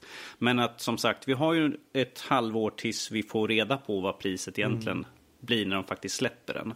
Eh, Och sen Yes. får vi se som sagt ifall uh, Pro-kontrollen liksom ingår eller ifall man måste köpa till den. Jag hoppas att de har att man kan köpa till de här eh, Joy... eh, Joy eh, vad heter de? Joypadsen. Joy-Con? Joycons, de här extra... De, if- de, ifall man, de är ifall man, på handkontrollen. Alltså, de ifall, är man, ifall på man slarvar, jag tänker ifall man slarvar bort. Ja, du vill köpa separat då? Sepa, Köpa separata nya Ja. för att jag känner att sånt kommer behövas kanske. En Eller råka, ifall man står och spelar har sönder dem eller något sånt. Mm. Ja, antingen det, eller så behöver jag små GPSer inbyggda i de här. Kopplade Man till trycker, min... man trycker på huvudenhet så piper den till. Pip! Den ligger bakom soffan tror jag. Ja, antingen Jag det tänker- eller kunna tracka dem med, med en eh, mobilapp. Och liksom bara logga in och tycka, ja men i realtid att där, på den här adressen, ligger min controller. Mm. You know, för när man åker ifrån den, när man har varit på den här De får- grillfesten. Ja. De får helt enkelt ge sig in på VR-marknaden och göra ett Ja, tjena. VR-headset som kan highlighta vart de där är någonstans i rummet. Så som Viven har där deras kontroller syns i, i headsetet. Så det, det, då är deras i, i, in. Men Men om- Ma- om vi- Ma- Max, där tog du upp ett väldigt intressant. Nu när vi ser att den är, ifall den är nu likbördig med Playstation VR, alltså ifall den är liksom, kan vi se då att Nintendo gör sitt egna eh, VR-set i så fall? Ja? Det har jag svårt att se för att eh, Nintendo har varit väldigt mycket de kör på sin grej. De, eh, jag ska inte säga att de härmar andra, men de är oftast väldigt sena på att härma andra om de faktiskt gör det. De kör ofta sitt eget race, är vad jag har fått känslan av i alla fall, bara min personliga åsikt. Så att jag tror inte att vi kommer se någon VR från Nintendo på ett bra tag i alla fall, på ett eh, par år åtminstone. Men jag hoppas att de gör det förr eller senare. Men ja, Ja, men är det så att alla får se. måste göra det bara för att Nej. ha det? Ja, men du vet, om tillräckligt många gör smart. det så kanske någon träffar rätt och faktiskt gör den perfekta VR-sättet. Ja. Det kan ju vara smart från deras sida att faktiskt just vänta ut det också. Bara för Precis. att se. Om det verkligen Ja. slår så kan de komma in och göra det sin version liksom. Du ser, det bästa av alla andra. Men det de har nu egentligen, om vi tittar på det de faktiskt presenterar här, är ju alltså, det är en stationär konsol såväl som en bärbar. Vilket gör att den är unik på det här sättet. Och lägg Ja, det är där till, verkligen om du, nu den här spekulationen om 300 dollar, om vi tänker oss att den faktiskt faller in, så kan det ju vara många som faktiskt tänker sig den för att, ja, jag får eh, dels ta del av ha en bärbar, så jag kanske inte behöver ha kvar den där 3DSen eller viten eller vad man nu har. Och en stationär, så jag kan ha den hemma också och köra. Och med alla de här utgivarna och utvecklarna så kan det finnas möjligheter att faktiskt spela jag menar då From Software, du skulle ju rent teoretiskt kunna köra Dark Souls till exempel på om du önskar det. Lå- Låt mig bara slänga in en grej där som de har nu gått ut i alla fall, har sagt, eh, som kommer vara lite bakåtsträvande för deras del och det här med att eh, köra gamla spel då, eh, ifall de inte slänger in så, att de, de är inte bakåt, att den är inte bakåtkompatibla med någon av deras andra. Jaha, Det- det blir ju bekräftat nu. Ja, jag läste det förut att eh, de kommer inte vara bakåtkompatibla på det sättet. Så då är det frågan ifall du kommer få köpa från VR, eh, inte VR-shoppen, från deras eh, virtuella shop. Spelen igen. eh, För som de, de har ju, man kan inte köra, eh, cartridgen tror jag ska vara helt annorlunda från eh, 3DS. Ja, du menar om man hade en 3DS cartridge och inte går Precis, att sätta i den i biten, nya. den- ja, ja, den men det, biten. det kan jag inte tänka mig heller. Eh, Men att eh, du så fall måste du köpa spelen på igen, Mm. vilket känns som en väldigt vanlig Nintendo-trait egentligen. Jo, det gör det ju. Ehm, Det vore, det Å vore, andra det vore, sidan, vore bra ifall om, de hade, de liksom hade, om ja. de hade den här 3DS, de har, de har inte supporten för de, deras cartridges, men om de kan ha bara cloud-support för save-filer, då kvittar det ju egentligen. Mm. För då om du kan köpa spelet mot förmodan igen, då kan du åtminstone ha savesen. Om vi leker med det. Om, Ja. Precis. om, det är ju tråkigt att de har bekräftat att bakåtkompatibiliteten inte är, men det är ju, visst det är ju en ny typ Ja. av konsol så. Men, Ja. eh, Så, så har det varit med alla deras tidigare, liksom, att det var liksom, nej tyvärr, nej tyvärr. Vi har dem, vi har dem på shoppen. Man bara, ja, femte Super Mm. En annan aspekt också jag tänker på, det är just det här med de här cartridgesarna som de har nu. Hur Mm. stora är de egentligen? Hur, för de, de kommer ju förmodligen välja en viss storlek att ha dem på. Liksom, säg att det är 8 gigs minnen till exempel, flashminnen eller någonting. Då får man också tänka, okej men vilka typ, vad behöver utvecklarna göra för att få ner eh, storleken på de här kommande spelen till att passa på de här då? Vilka uppoffringar blir man tvungen att göra då? Eh, och Ja. hur påverkar det liksom spelen som kommer? Alltså personligen ser jag inte att varför de ska begränsa sig så. Jag menar, ifall de köper in ett bulkpack på minnen så att säga, så kan de få ner ett ganska rimligt pris. Och ifall vi ser på dagens spel på de andra konsolerna, det- de kör ju på Blu-ray och då är det 50 gig där. Eh, så Mm. Ja, att- ja, men det, vilken, jag menar, jag tror ju att de kommer ju sikta på 8 gig eller kanske högst 16. Jag tror inte de Nej, kommer jag gå upp till tänker 50. minst 32. Tror du det? Ja, ja, jag menar minneskort är ju inte så jättedyra. Jag menar, storleken, eh, vad jag ser på videon, är att ja, det kommer ju vara runt ett normalt SD-kort. Inte mikro eller nano eller vad det nu heter. Utan jag tror ett normalt SD-kort och jag tror att de kommer hamna på 32 gig, kanske 64. Men det är ingenting som begränsar Nice. heller vad det är för hastighet på det. Det kan ju vara så att ett, ett större spel kanske kostar mer i affären. Jag menar, om du tänker dig ett riktigt stort det nyaste, liksom Skyrim vet vi att det tar ju säkert upp mer än 8 gig. Mm. Och det spelet kanske kostar eh, 150 kronor mer. De kan ju ha olika prisklasser på spelen. För, och så, så att vi får ju se det. Jag tror i alla Ja. fall att de kommer ha rätt stora eh, möjligheter på SD-korten. Ja, jag har mest utgått från det som varit mest billigt idag för att ta in i stora niv- eh, volymer. Och då har jag tänkt egentligen runt 16 då. För det ser ju Ja. ut att ligga både till prismässigt och då volymmässigt ganska passande då. Precis. Ehm, För menar, det- varför ha extra volym om du inte behöver det? Precis. Och då kan man få ner kosten också där. Mm. Ehm, men eh, ja, det eh, blir ju intressant att följa upp. Det är ju precis som ni säger, de här joyconsen är väl egentligen det som jag ser. Mm, det här det här kan bli lite halvdant. Mm. Ehm, men så länge man får köpa en till en sån där Pro-controller så, så kan det nog bli okej i alla fall tror jag. Ja, men kan du ta med den ut som sagt som man såg på den här videon när jag ställde den Mm. på planet att du har en liten, eh, liten stöd bak på så du kan ha den där stående skärmen. Så kan du ha med dig Pro-controllern och kanske köra mot den istället för att ta bort dem där på Precis. sidorna. Det vore ju jättebra. Det är klart, vi får se hur det är att faktiskt använda den. Jag menar, vem vet, Det man stämmer. kanske faktiskt har... Jag menar, om man håller den som en surfplatta så där och de sitter på sidorna. Det, det känns som den mest ultimata formen att ha, använda dem tycker jag. Till skillnad från att ta loss dem eller någonting och sitta med en Sitter med, som Ja. när de i videon sitter, två, när det är två stycken som spelar och varsin person har en liten sån där och enorma fingrar ska försöka greppa liksom. Ja, Det ja, men känns alltså- Fredrik, jag vill se dig med den där, de där små kontrollerna. Jag, jag trycker på allting samtidigt ju. Ja, vi får se i mars. Ja, jo. Ja men grabbar, om ni tänker er på alltså, gamla hederliga Nintendo-konsolerna. De, alltså de, de första kontrollerna. Precis. De var inte jättemycket större. Men vi var mycket mindre. Vi hade så små händer på den tiden. Det är sant också. Men det var ju också, redan då tyckte man ju inte om dem. Det var ju bara, man visste ju inte om det bara. För att det fanns ju inget annat. Nej, det fanns Det är som den här Game Watch som fanns förr. Det var, gick ju som en sladd runt, man kunde spela sig ishockey. Det fanns två så här runda, jag vet inte om ni kommer ihåg dem? Japp. Eh, eh, det gick ut liksom, fanns två stycken runda små handkontroller med sladd in till enheten. Och så kunde man ha varsin och spela typ något sånt spel. Det fick, jag fick lite var vibbar om det ja. gamla. Ja, det var tider där, Fredrik.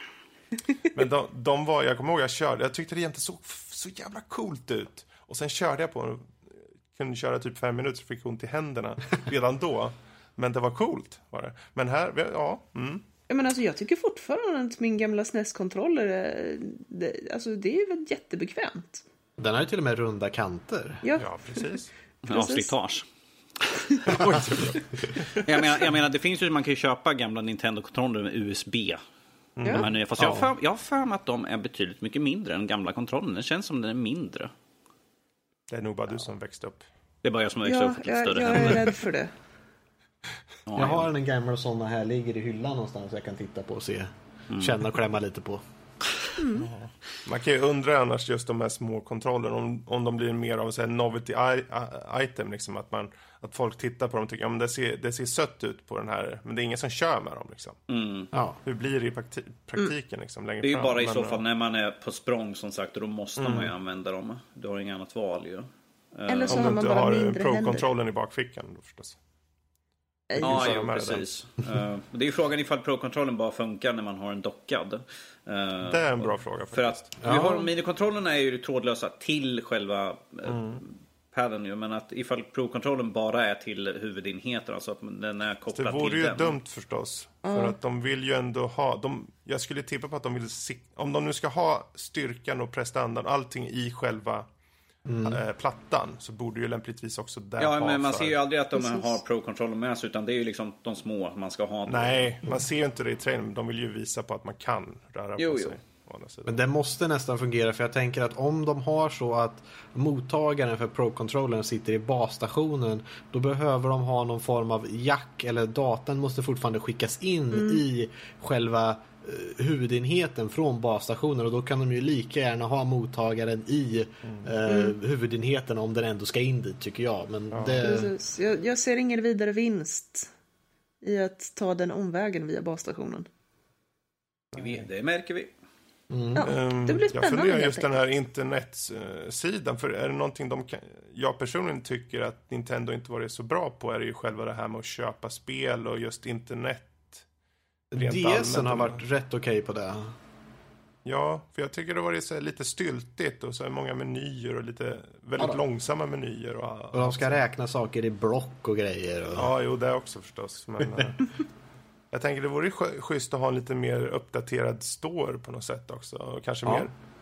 Och om de mot förmodan faktiskt tar sig an att man kan köpa den här. För Virtual Store som finns på de handhållna vore jättekul om de faktiskt för över till den. Det vore ju konstigt om de inte gjorde det, men eh, det vore ju kul att kunna köpa typ uh, någon Super Mario och lira på den på tvn liksom lätt. Japp. Eh, Eftersom du ändå kom in på det ämnet. Är, är det något spel som vi faktiskt vill se nu? Eh, jag tänkte... För i trailern så ser man ju ett nytt Super Mario ser det ut som. Och jag, jag tänkte på dig Fredrik när jag såg det. Jag bara, ah, kom, är det som Galaxy tror? För då kommer ju du vara ganska såld på direkten. där, För jag vet att du Ja. älskar de där Galaxy-spelen. Det är intressant för den där ser ju...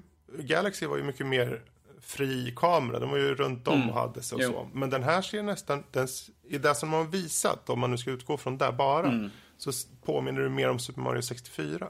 Det har jag hört väldigt många säga. Sådär. Och eh, kameran är bakom snubben. Eh, I det här fallet Mario.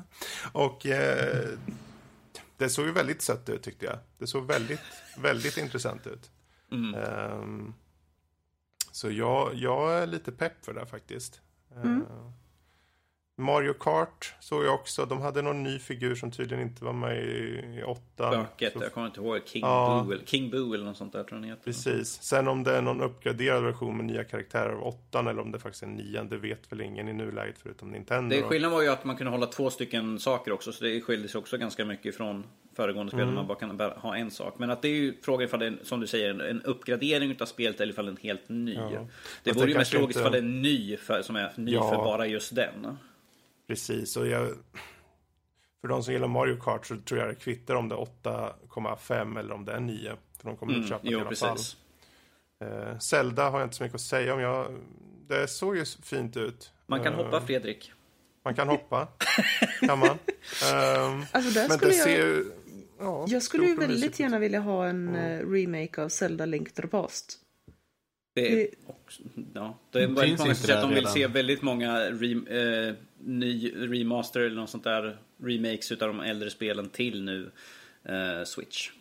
Men vad heter remaken till Link to the Past? Är det Dark Worlds eller något sånt där? Bra fråga du. Okej. Ja, jag får kolla upp det sen. Jag har för mig att det finns en remake på det redan. Vad var det för något jag sa inför i någon annan gång? Jag, vill- jag vill se jag vill se ett nytt Ice Climber. Precis, nytt Ice Climber. Ja. Jag tror du Jag sa vi se ett sist nytt, pratade om en, Next då. Att vi liksom, vad vill vi se för spel? Ja, Ice Climber, ett nytt. Vi får väl se. Jag kan tänka mig, om nu hårdvaran, eh, när den väl uppas, om de nu ens gör det, eh, visar att den kan klara av kommande spel. Jag är mest nyfiken, kommer den klara av kommande iterationer av spel som komma skall? Liksom, jag tänker typ som, om det kommer Precis. så här till Playstation Pro till exempel, Mm. eh, spel som ska vara lite starkare, ungefär som när det kommer till Scorpio på Xbox-sidan där. Kommer det kunna ens appliceras på den här eller får vi faktiskt samma där? Ja, ni får hålla er till de spelen som släpps typ på Xbox One. Bara liksom. Mm. Eller ja, om vi får det här äh, det släpps på alla plattformar nu. Att det släpps på Mm. Nintendo, Playstation, Xbox, alla likvärdigt. Och PC är där om det blir så att vi får lite här och där. Det får vi ju se. Ja, Oh, vet ni, vet ni vad jag skulle vilja ha i det? Nej, berätta, Vad skulle berätta, du vilja berätta, ha i det Lotta? Berätta. Jo, jag kom på en skitcool grej. Att den har motion detection i sig. Eh, någon liten gyros eller så, så man känner av plötsliga, plötsliga rörelser. Och sen en helt vanlig platformer. Så att när du ska hoppa framåt och ska hoppa extra långt så kan du faktiskt hjälpa till med de här rycken som ändå alltid sitter och gör i de gamla klassiska kontrollerna. Och faktiskt lyckas hjälpa till. Fungerar även bra i bilspel då om man svänger med hela kroppen menar du? Ja, det vill jag ha. Och ifall man är ute och kör så kommer man se riktigt, riktigt dum ut. Varför sitter den här personen med arslet på stolen men huvudet ligger ner mot bänkkanten så här liksom. "Ah, Ska sväng då! Och så liksom upp tillbaka och så nu sitter han och skuttar på bänken. Vad är det han håller på med? Ja, det Man kommer tro att man har någon spasm eller något sånt där. De bara ska ringa om, om det här eller... Yes! Personen är full. Nintendo hot. Hotline. Ja, ni har en person som sitter och hoppar på en bänk. Ja, men det är, det är fullt normalt. Jag vet inte varför jag sitter med handen upp som jag håller i en telefon här nu när jag sitter och pratar in i en mick. Men i alla fall. Eh, Det, det känns ju som att ifall det är så så kommer det se riktigt dumt. Då- Då vet man. Ja, ja, de kör Super Mario eller de kör bilspel Ja. för att de står och lutar åt ena hållet eller något sånt där. Om vi tyckte det var irriterande i somras när folk spelar Pokémon Go. Tänk dig nu när folk kör på riktigt Pokémon. Vad gör han? Han står och kastar där. Ja, Eller vad han nu precis. gör. Tror, tror du ifall vi sin- kommer få, tror du ifall vi kommer få ett Pokémon? Nu, jag, vet, inte, jag, har har inte redan sett, jag, såg inte, jag såg inte, jag såg inte, alltså de har ju sagt att de ska göra något Pokémon-spel men inte att det var Pokémon Go. Var det inte. Det Nej, var, det är var- klart inte blir Go. Men jag kommer inte ihåg, det finns ju ingen kamera på så vitt jag kunde se i alla fall. Vilket man, Ja, men du, du får ju tänka på att de gör ett riktigt Pokémon-spel. Pokémon Mm. Go är ju som en avart liksom. ja, okej. Pokémon-spel jag, tän- jag tänkte bara vore liksom. väldigt praktiskt man nu hade på det, det också på den här som Pokémon har varit så stort. Men att, Det blir ju som Sun and Moon liksom. Det blir ju, Mm. eh, gå runt eh, i den världen, liksom. Mm. Pokémon-världen med sin gubbe och fånga Pokémons. Men det, det är någonting som vi... Ja, ni får vänta och se där. Men det, vi, vi kan runda av här. Det är mycket att säga om den och är det så att någon där ute har några tankar om vad ni tycker och tänker eller tycker att vi har fel om något eller om vi har sagt fel eller har helt rätt. Mejla Då till kan oss. ni hålla dem för er själva. Det kan ni också göra. Eller så kan ni kan ta och mejla dem till info.nordlivpodcast.se. Det, det går lika bra att skriva till oss på Twitter och Facebook också om man vill. Eller på vår hemsida. Ja, och det var veckans diskussion. Mm. Nu kommer övriga nördämnen. Och sen en liten jingle, babing, och sen kör vi in. Jag tänkte att vi skulle ta och diskutera en live action-film. Vad är det eh, för Baserat på action-film? en eh, gammal anime-serie, nämligen Ronin Kenshin. Yay. Och eh, det visar sig som sagt att den här trilogin Eh, hade en film komma ut 2012. Den hade sedan eh, två följande filmer komma ut 2014.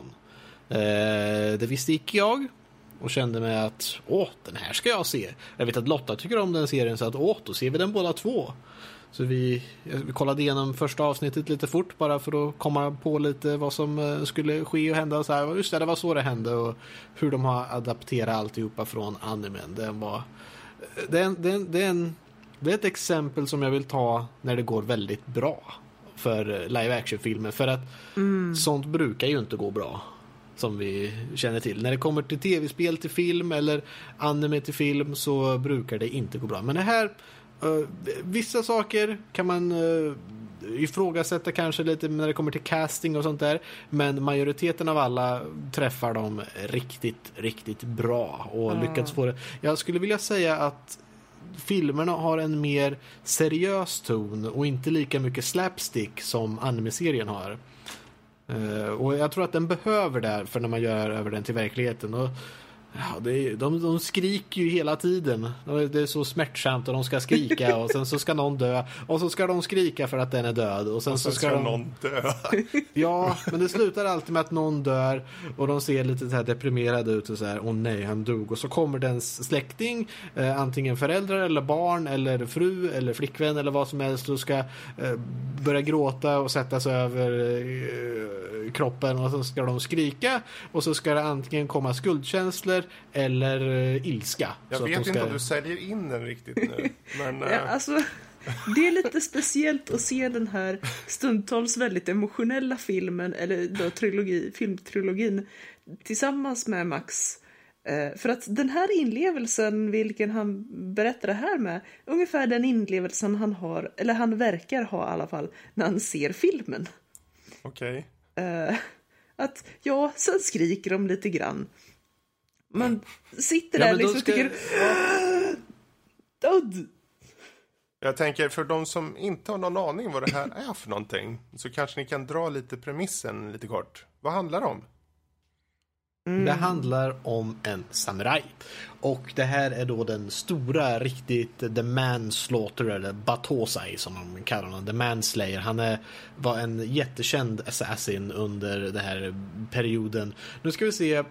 Eh, jag tror att, eh, period, nu mina japanska terminologier, Lotta, Lotta kanske kan eh, korrigera mig. Jag tror att de går från eh, Meiji eller Meiji-era. eran till eh, Edo-perioden, stämmer det? Ja, det stämmer. Eh, och det här Ja. var alltså skiftet. Tidigare historiskt sett så hade Japan två ledare. Du hade Shogun som var basically the warlord. Och så hade du kejsaren. Eh, som var mer den, den politiske ledaren, spirituella ledaren.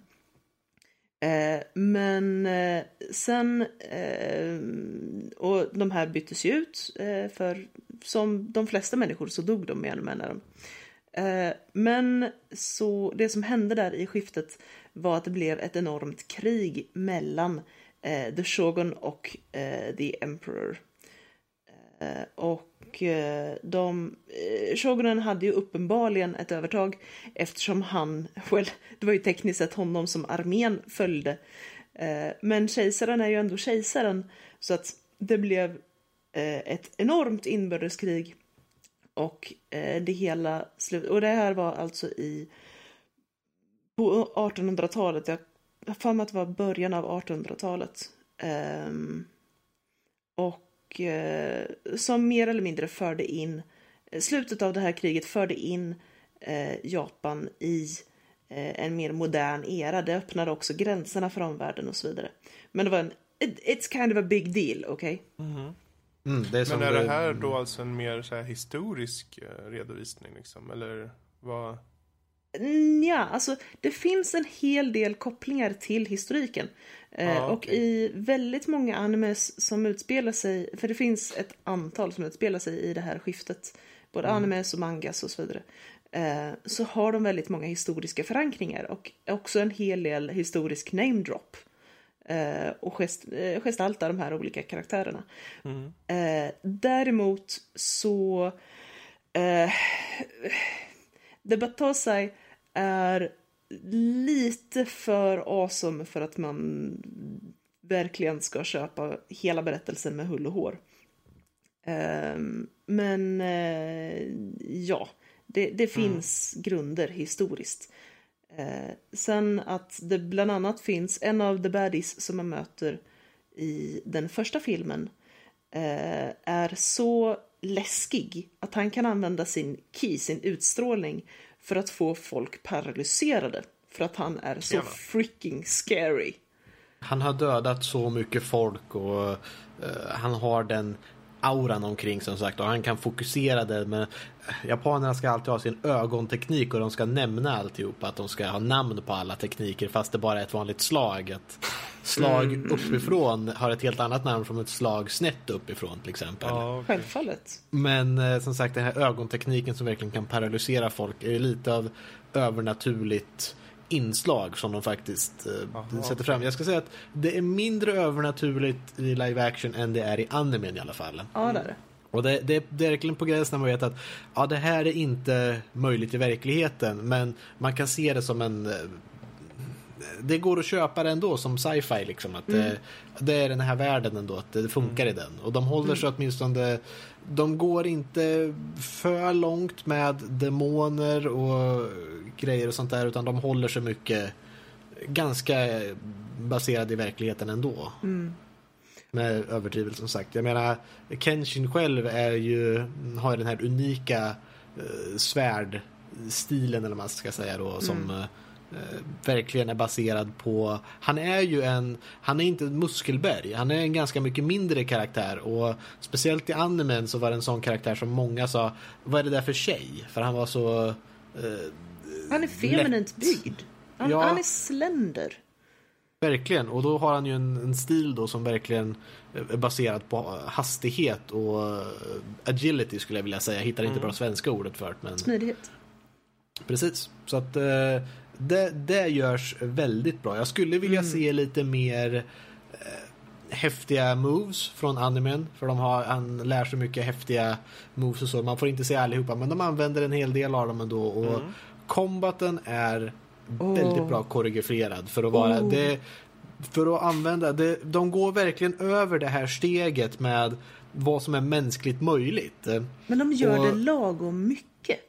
Ja, det är precis att det där är inte mänskligt att göra så, men det ser bra ut. Det är precis tillräckligt en liten push over the top att de har gjort det väldigt, Precis. väldigt bra. Och det är mycket kameraarbeten och jag tror att de använder Ja. mycket med att speeda upp footage om man säger. Precis rätt för att det inte ska se konstigt ut.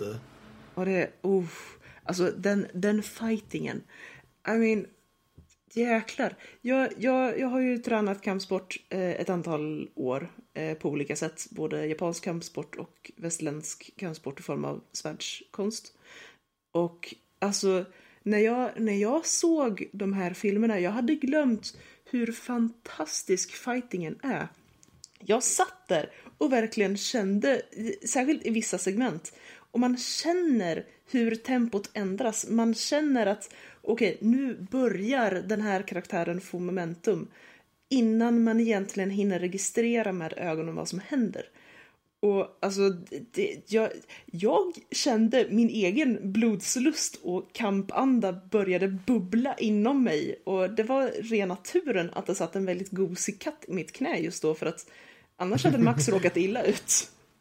Hon såg ut som en väldigt ondskefull genius, evil eh, bad guy som sitter där och klappar katten och har den här blicken av att jag ska förstöra världen. Vänta, du menar som hon brukar göra? Helt Ja, enkelt. mer än vanligt. Mer än vanligt. Går det?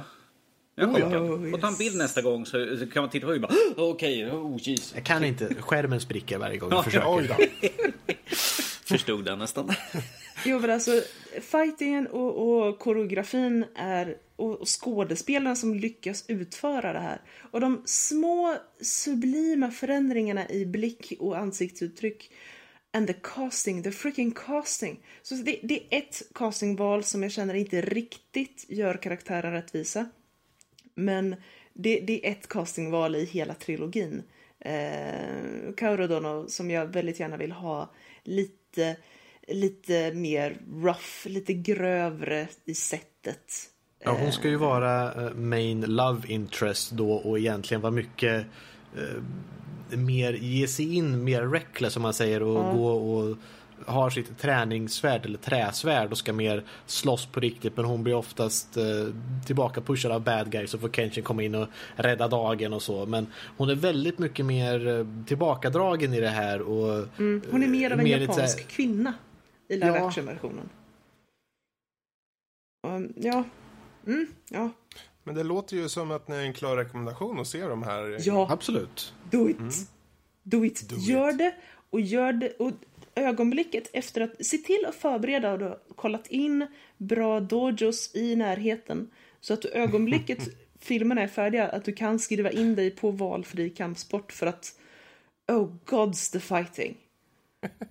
Och favoritkaraktären är ju definitivt egentligen inte för mig i den här serien Himura Kenshin utan det är ju Sanosuke. Hans, eh, jag ska inte säga sidekick, men hans eh, kompis. Han lär ju oss viktiga grejer som att eh, ibland är det i mitten av en fight så kan det vara viktigt att äta mat. Ja, och även hur man äter en tomat på det mest skräckinjagande sättet möjligt. Det här verkligen stirra in i någons ögon och äta en tomat och verkligen så här att jag ska krossa dig som den här tomaten med fullt öppna ögon i ansiktet på någon annan. Det var det, det är så att jag vill ta upp det på ta den där klippet och lägga upp på Youtube bara för att det, Yes. det är så underbart i sig Yes. självt. Ah, det är glorious. Eller som sagt, hur han stannar i den här fighten. Verkligen liksom ser till den andra grabben han håller på att slå ihjäl. Och tycker, ah, nej, vänta, de har vänta, vänta, slagits, det är fistfights verkligen. Och de är Ja. inne i ett kök och slåss och kastar varandra över bord och välter bord över varandra. Slår varandra med tallrikar och stekpannor i huvudet på folk. Och, Och de är liksom dränkta i blod och i mjöl och, och allt möjligt spännande. Och han liksom bara, nej vänta, vänta, vänta, vänta, vänta. Och så tar hon upp en grillad kyckling och börjar käka. Och så tycker vill du ha lite? Och, och, och liksom, så står de och äter där och sen tar de upp lite och dricker och tänker, ah, ska du ha? Och sen när de liksom ätit färdigt båda två så ser man hur de liksom pumps up eh, för att verkligen de motivera. slår sönder allting verkligen runt Ja, omkring sig. Slår sönder tallrikar och skriker och slår sig själv på bröstet ungefär. Då kör vi igen. Ja, precis. Det, det är ju fantastiskt. Jag tror det här blir en bra filmsvit att se igenom med Ice då. Helt enkelt. Definitivt. Mycket bra, mycket bra. Bra. Då så. Ja, det ska vi kunna säga slut på där att det var övriga nördämnen för denna gång och eh, då tycker jag att vi går över till våra lyssnarmail. Varsågod igen, Fredrik. Yes, sir, Bob. Vi har fått lite mejl. Tänkte vi ska ta dem eh, lite raskt här. Eh, först har vi ett mejl från Martin. Han skriver följande. Hej alla! Eh, jag kan bara hålla med angående vad ni tyckte i er diskussion kring spelklienter. De har blivit bättre och framförallt så har de faktiskt fått sina egna identiteter. Vi hade ju en eh, diskussion om det här på veckans diskussion förra veckan. eh, För övrigt. Eh, Uplay går mot en mer enhetlig snygg yta där Uplay coins kan användas för att låsa upp nya in-game saker. Origin har fått och blivit mer konsumentvänlig med garanti på digitala köp och Battlenet och GOG har båda en fast plats numera. Battlenet har ju dubblerat antal spel på senaste åren, vilket också medför att det, att det uppdaterat sin klient. Till exempel har de stöd för streaming direkt till spelklienten. Det var en intressant diskussion och jag håller med det mesta. Smiley. Tack och hej. Från Martin då. Tack. Ja. Ehm, och sen har vi också från Vilma då. Eh, och hon skriver följande. Hej vänner. Jo, ville bara höra efter. Vad tror ni om den kommande Assassin's Creed-filmen som kommer i typ januari? Ska ni se den alls? Eh, jag tycker den verkar mer intressant än filmerna faktiskt. Jag tror hon menar spelen. Jag tror hon menar spelen. Så. Jag tror det med. Ja, vad, vad säger vi? Tror, kommer vi se filmen? Nu har ju sett ut- bra live action så att nu är jag ju redo för att liksom, mer Assassins live action kan ju bara bli bra. Om vi säger så här, vi får inte något spel här nu så filmen får vara kompensation då. Jag hoppas att den inte blir en i mängden utan liksom, ja, ah, här har vi en till spel till film som vi kommer glömma bort. Men att jag, nej, den ser ganska lovande ut. Trailern eh, eh, ger goda förhoppningar i alla fall än Ja. så länge. Det kom ju en ny trailer här bara för några dagar sedan som såg Yes, riktigt bra ut faktiskt. Eh, precis, man får lite mer bakgrund och så. Men att eh, jag ser väldigt mycket fram emot den i alla fall. Kanske för att jag älskar Assassin's Creed-spelen och har börjat spela tvåan igen bara för höga nöjets skull. Jag tänkte säga det, vi får först se den och sen får vi fråga Danny vad vi ska tycka om den. Ja, precis. Ja, jo. Jag frågar mig, vad var rätt och vad var fel i, i det här? Ja, precis. De kommer ta lite friheter, så är det ju Ja, jo, om vi säger Ja. bara Animus-maskinen är ju en helt annorlunda grej än Yes. vad de har i spelen ju. Men att den ser Hon ut. skriver, ja, hon skriver vidare sen. Sen såg jag en nyhet om Red Dead Redemption 2. Kan ju bli kul. Men är det något ni alla ser fram emot? Jag, vet, jag har inte spelat det själv. Jag, jag har eh, min eh, PS3 som jag har eh, är exklusivt nästan bara för fightingspel och ett par japanska JRPGs som inte eh, kom ut på annan konsol. Så att jag har faktiskt inte spelat den typen av spel på min PS3. Eh, jag har spelat första. Uh, inte genom hela. Jag måste låna tillbaka ut av min systerson. Uh, eh, så ska jag spela igenom det. Nej, jag ser fram emot det. Jag tycker det verkar kul. Uh, jag är nyfiken på vem man kommer köra som. Uh, eller ifall de kör som lite GTA. Att man kommer byta mellan de sju karaktärerna man får se. Jag hoppas inte det. Jag hoppas att det är en karaktär man kör. För jag är inte så förtjust i liksom hoppa, skutta emellan. Liksom. Man bara, Men jag vill ha en karaktär som jag kan liksom binda mig samman med. Men att det ser kul ut. De, det ser ut som de har byggt mycket på världen. Man ska ge mer djurliv och sånt. Vilket i förra var liksom det enda djuren som fanns det var liksom för att kunna jaga dem för att kunna göra så att man hade fler saker helt enkelt. Det var liksom bara för att. Eh, känns som de försöker bygga ut lite grann så att det ser mer levande ut. Det ser väldigt snyggt ut i alla fall. Um, och jag hoppas på väldigt intressant storylines i alla fall. Och mycket, mycket pangande. Yeah! Ja. Vad bra. Eh, men där, där fick du svar på det. Eh, hon skriver sen, såg på Spelhjälpen i söndags när jag hörde donationen från er. Smiley, kul att ni syns mer. Ja, ja, mys på fellow nerds, vänligen Vilma. Ja, tack detsamma. Och sen slutligen, sista mejlet. Från Erik, eller som han även kallas, Supertacon. Han skriver följande. Jag, tar, Riktiga jag, jag suckande andas in lite, men det är inte för att, ja, det är jättekul att du mejlar in. Men nu, nu läser vi här. Tja, mys, människor. Oh my fucking god. Nintendo Switch kommer bli skitnice.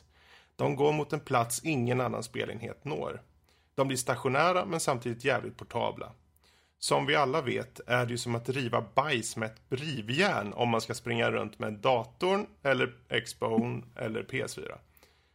Okej? Det, Aldrig upplevt alltså, det. Jag tänker inte uppleva det heller. Men de är stationära så inte konstigt. Men här verkar man ju få en skön stark konsol för det stationära. Fuck, ni såg ju själva alla tredjepartstillverkare. Men en lika bra för det portabla. Jättemånga utropstecken. Ehm, jag ska vara helt ärlig, jag diggar konsoler. Men de fyller inget, inget syfte för mig. Eh, för om jag ändå ska ha en stationär fyrkantig box så kan jag lika gärna sitta vid en dator med 32 tum än en TV på 4 meters avstånd på 50 tum. Det blir faktiskt en sämre upplevelse vid TV till och med. Men med denna lilla jävel, han skriver så, inte jag säger, så kan jag tänka mig det. Eh, bara för att jag ska kunna dra mig till Plattan och lira eh, på väg till universitetet eller någons morsa eller vad fan som helst. Det där tänker jag inte läsa upp. Ehm, nej, skämt åsido. Alltså med alla tredjepartstillverkare så kommer vi se Assassin's Creed, Watch Dogs, Dark Souls och kanske till och med GTA 5. Och att kunna lira vidare på bussen eller så gör att jag gärna slänger in Xboxen i vedbrasan för att istället ha denna. Nu kan Nintendo fortfarande fucka upp detta. Kanske deras kassetter inte kan hålla mycket information eller har som ni skrev dålig uppkoppling. De är ju lata på nätsidan förut. Men just nu är jag jävligt sugen. Nej, blir nog att dumpa min konsol och istället ha bara PC och Switch. Precis som alla andra med hjärnor antar jag. Därför står för dig, supertacon. Long time no see förresten. Ni rockar som vanligt och sånt. Peace out, supertacon. Där fick vi det långa Mm. mejlet. Ja, men, det Ja, verkar det- som att han har ja, tänkt lika som vi nästan där. Måste vara den mest positiva mejl Jag har- har fått från Ja, honom. han, visst han svär en del. Jag tog bort en del ur det. För det får du hålla för dig själv, supertacon. Men du var ju faktiskt positiv den här gången. Ja, Eh, du får gärna skicka mer sådana. Det var bara en, en väldigt, som du nämnde, väldigt obskyr sak liksom där, i början av mejlet. Ja. Som ett rivjärn med, ja, mm, ja jag, vet, jag, vet inte vad han, jag vet inte vad han gör under vardagarna men som han vet hur allting det här är. Det är precis som att göra så här. Vi vill inte veta riktigt. Hans liv kanske ser ut lite som den där, har ni sett Youtube-kanalen How to Basic? ja. Nej. Nej, nej, okej, okej. Men den, eh, Då, ja, det, jag har ingenting att säga. Utan det är något eh, som ska ses och upplevas eh, i små mm, mängder utan för mycket. Varför känner jag att vi kommer kolla på det sen kommer vi sk- skrika på dig Max, bara, hur kunde du liksom visa det här för oss? Vad är det för fel på dig? Sök Ja, nej, det, det, vi tar det efter podcasten. Men där har vi den skörden av mejl som vi tar upp den här gången. Över till dig, Max.